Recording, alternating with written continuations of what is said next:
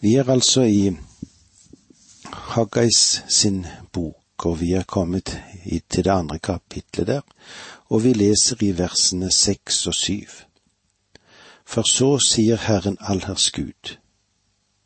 Enda en gang, om en liten stund, vil jeg ryste himmelen og jorden, havet og det tørre land. Jeg ryster alle folkeslag så deres skatter kommer hit og jeg fyller dette hus med herlighet, sier Herren allherrs Gud. Jeg vil ryste himmelen og jorden, havet og det tørre land, sier han. Og jeg fyller dette huset med herlighet. Og jeg ryster alle folkeslag, så deres skatter kommer hit de som har kommentert dette verset, har forskjellige mening, meninger om hva denne linjen som vi nå til sist betyr. Så deres skatter kommer hit. Det kan være at Jerusalem står fram som en meget rik by.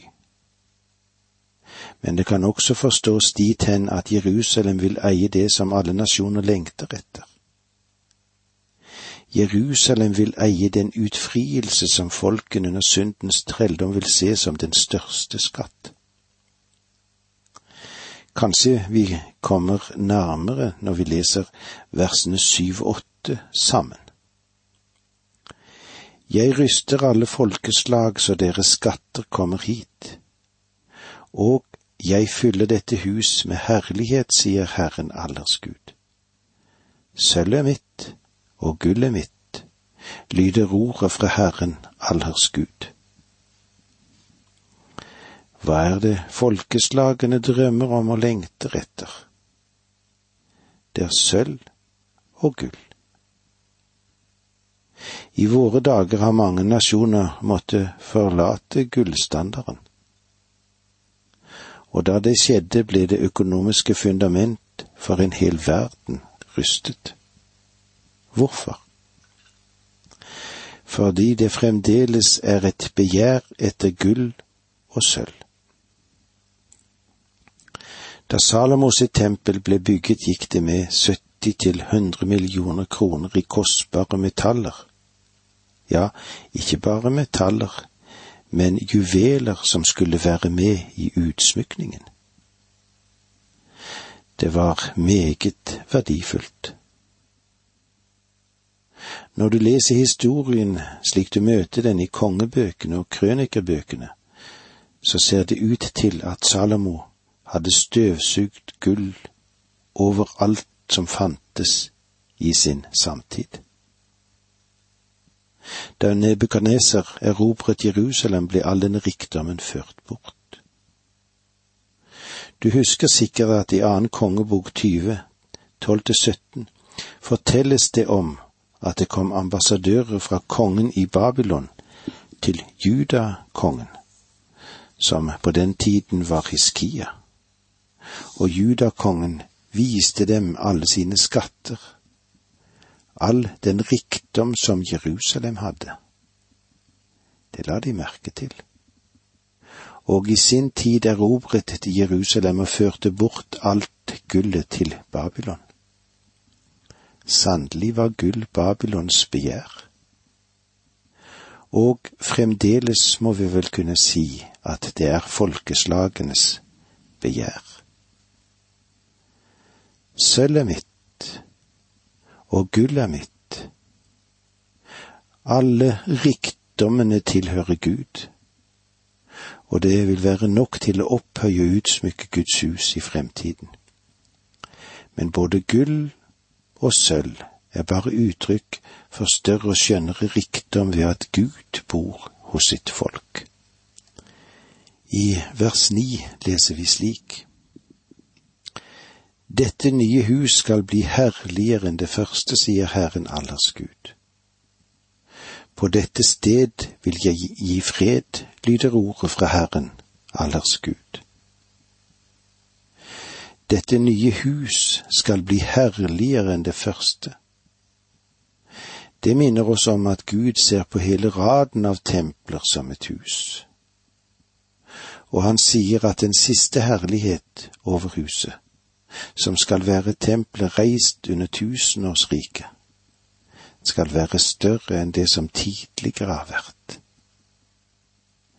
Det vil si at dette skal være en større herlighet enn den som hvilte over Salomos tempel, og i alle fall større enn det tempelet de nå holdt på å bygge. På dette sted, det fastsetter tempelområdet som det stedet der samtlige templer skal reises. På dette sted vil jeg gi fred, lyder ordet fra Herren allers Gud.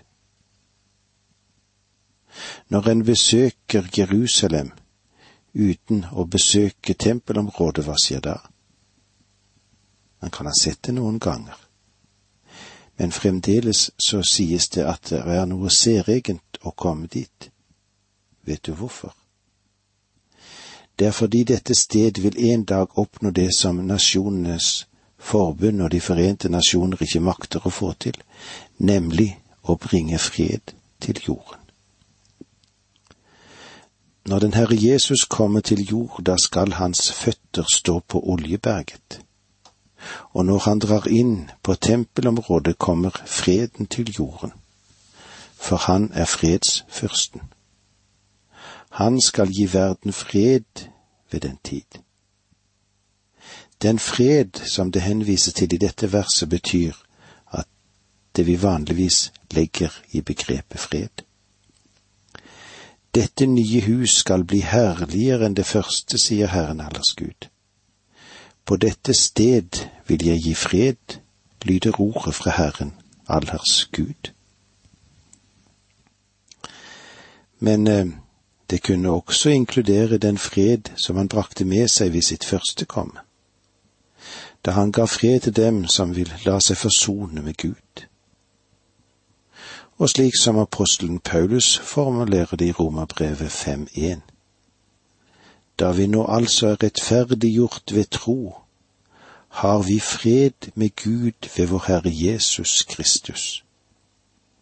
Han brakte også med seg den fred som overgår all forstand, som den troende kan få lov til å oppleve i sitt hjerte. Da han første gang kom, kom han for å gi denne freden.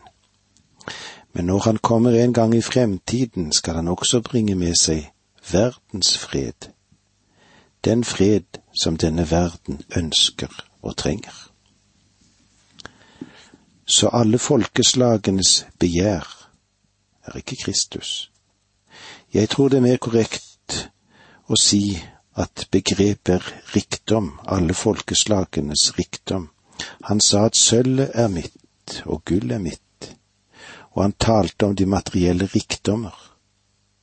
Og tanken synes det å være at mangelen på glans over Serubabels tempel skulle være mer enn rikelig som kompenseres for det med rikdom, det som skal stråle frem den dagen når tempelet reiser seg under tusenårsriket. Derfor peker dette verset fremover til disse tider. Gud oppmuntret de mismodige bygningsmenn på Haga i sin tid. De skulle se tempelet i perspektiv, i forhold til Guds endelige målsetting. Og med disse ordene må vi si takk for nå. Må Gud være med deg.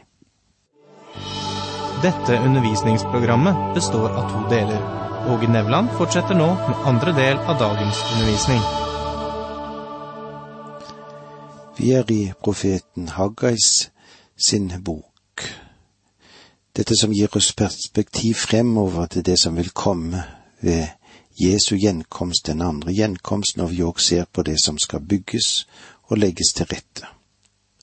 Og i vers ni i det andre kapittelet i Haggai leser vi slik:" Dette nye hus skal bli herligere enn det første, sier Herren allers Gud. På dette sted vil jeg gi fred, lyrer ordet fra Herren allers Gud. Dette nye hus skal bli herligere enn det første. På dette sted vil jeg gi fred, lyder ordet fra Herren allers Gud. så alle folkeslagenes begjær kan få lov til å oppleve det som er her. Han vil gi ordet ut til nåtidens mennesker. Tenk om du og jeg kunne se våre nåværende omstendigheter under det veldige perspektiv om at Jesus kommer igjen. Vi må se vår tilværelse i lys av evigheten. Vi må se det under himmelens overlys. Se på den i lys av Guds målsetting for oss. Om Gud er for oss, hvem kan da være imot oss? Vi kunne brute ut halleluja. Hvem er det som kan være mot oss da? Om Gud er for oss, hvem kan da være mot oss? La oss ikke bli overvunnet eller overveldet av forhold i det som vi kanskje ser vi lever i nå under dette øyeblikk. Det er fort gjort å bli forblindet.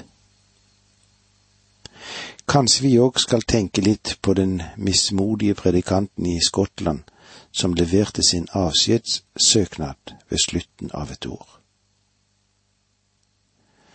og da menighetsrådets medlemmer spurte ham hvorfor, så svarte han det på denne måten. Fordi det er ingen som har omvendt seg til Gud dette året, med unntak av lille Bobby Moffat.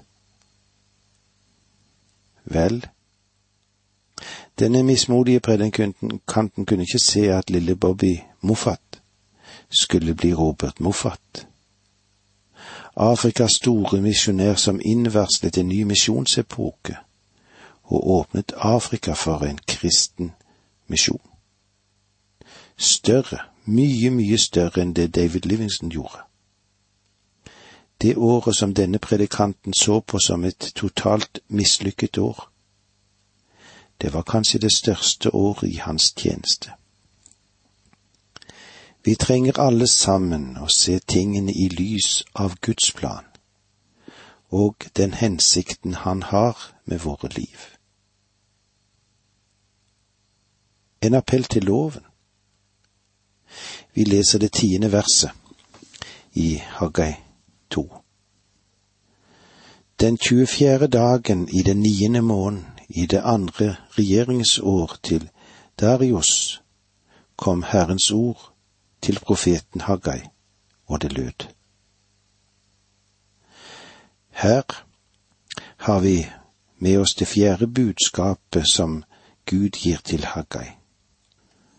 Legg igjen merke til hvordan dateringen som er knyttet til Daderios regjeringstid. Han var en hedensk regent, fordi det ikke var noen konge på tronen verken i Israel eller Juda. Datoen er den 24. desember, år 520 før Kristus. Det forrige budskap ble gitt i den syvende måned. Dette ble gitt i den niende måned. Talen som Haggai holdt, den begynner med et spørsmål til prestene. Og opp igjennom tiden så har det fått litt forskjellig tolkning, dette. Det er mulig at bakgrunnen her er meningsforskjell mellom profeten og prestene. Disse siste hadde muligens ikke så meget imot at også slike som ikke var medlemmer av den jødiske menighet, fikk delta i tempelbygningen, blant annet samaritanerne, mens profeten holder på de rene linjer, og forsikrer at det fra denne dag skal Herren velsigne. Og her er vi innom noe som har en vesentlig betydning for oss alle sammen. Herrens dag. Vi leser videre i versene 11 til 13. Så sier Herren allers Gud, spør hva prestene lærer om dette. Om noen bærer hellig kjøtt i kappefliken, og fliken kommer borti brød eller kokt mat eller vin eller olje eller annen mat, blir da dette hellig? Prestene svarte nei. Så spurte Haggai, Men om en er blitt uren ved lik, og så kommer nær noe av dette, blir det da urent? Prestene svarte ja, det blir uren. Dette er en ganske interessant problemstilling som Haggai går til prestene med, og det er altså den 24. desember år 520 før Kristus. Det enkle spørsmål, og det lyder slik, det første da, om det som er hellig berører det som er vanhellig, vil det da gjøre dette vanhellige hellig? Svaret er nei. Det andre er om det som er urent berører det som er rent, hellig, vil da det urene gjøre det urent, vanhellig? Svaret er ja. Det er det som vil skje. Nå vel, disse spørsmålene er viktige, så la oss ha bakgrunnen for spørsmålet klart for oss. Det var mange sider ved dagliglivet i Israel som ikke ble dekket i detalj gjennom Moseloven. Det var personlige situasjoner, og det var vriene og mangesidige problemer som reiser seg i dagliglivet. Og loven sa ikke noe spesielt som kunne dekke disse problemområdene. Hvordan fungerte da Israel under loven når det ikke var noen spesiell lov som kunne være styringsverktøy for disse spesielle situasjonene som oppsto. Vel, det er en sak som var aktuell i Fjerde Mosebok i det 27. kapittel, angående arveretten for Selohats døtre. Moseloven hadde ingen arverettsbestemmelse.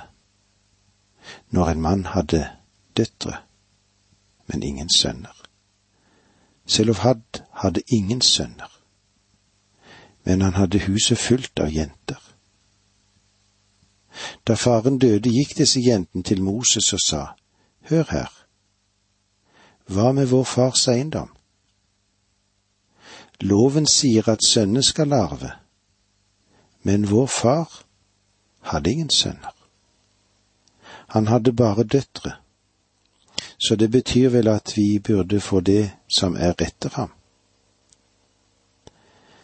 Kanskje Moses ikke var for entusiastisk når det gjaldt disse jentene og den pågåenhet som de kom med.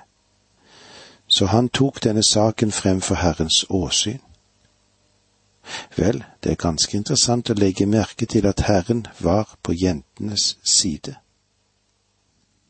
Han sa, døtrene til Selofad taler rett. Du skal gi dem det som tilkommer dem blant deres fars brødre. Så dette tok hånd om både denne spesielle situasjonen og det de hadde rett på. Gud ga rettledning for en rettferdig fordeling under loven. Og slik fungerte det. Når en sak dukket opp som ikke ble dekket av loven, skulle de appellere til prestene. Og i femte Mosebok i det syttende kapittelet vers åtte til elleve har eh, vi følgende å lese. Når en sak er så vanskelig at du ikke kan avgjøre den, enten det gjelder drap eller tvistemål eller legemskade eller andre saker som det strider om i dine byer, skal du dra ut og gå opp til det stedet Herren din Gud velger ut. Der skal du gå til levittpresten og til ham som er dommer på den tid, og spørre dem til råds, og de vil fortelle deg hvilken dom som skal felles. Du skal rette deg etter det de uttaler fra det stedet Herren velger ut. Sørg for at du i ett og i alt gjør slik som de lærer deg. Den rettledning de gir deg, og den dom de forkynner deg, skal du holde deg til. Du må ikke vike av fra det de kunngjør deg, verken til høyre eller venstre. Når en bestemt situasjon dukket opp, som ikke ble dekket av loven, skulle folket appellere til prestene, og prestene skulle så ta avgjørelsen. Og deres avgjørelse ble lov i den saken som ble lagt frem for dem. Det var Guds metode, og det synes som om vi følger den samme metoden også i dag. Og det vil vi komme inn på når vi møtes igjen neste gang. Det var så langt vi kom i dag. Takk for nå, må Gud være med deg.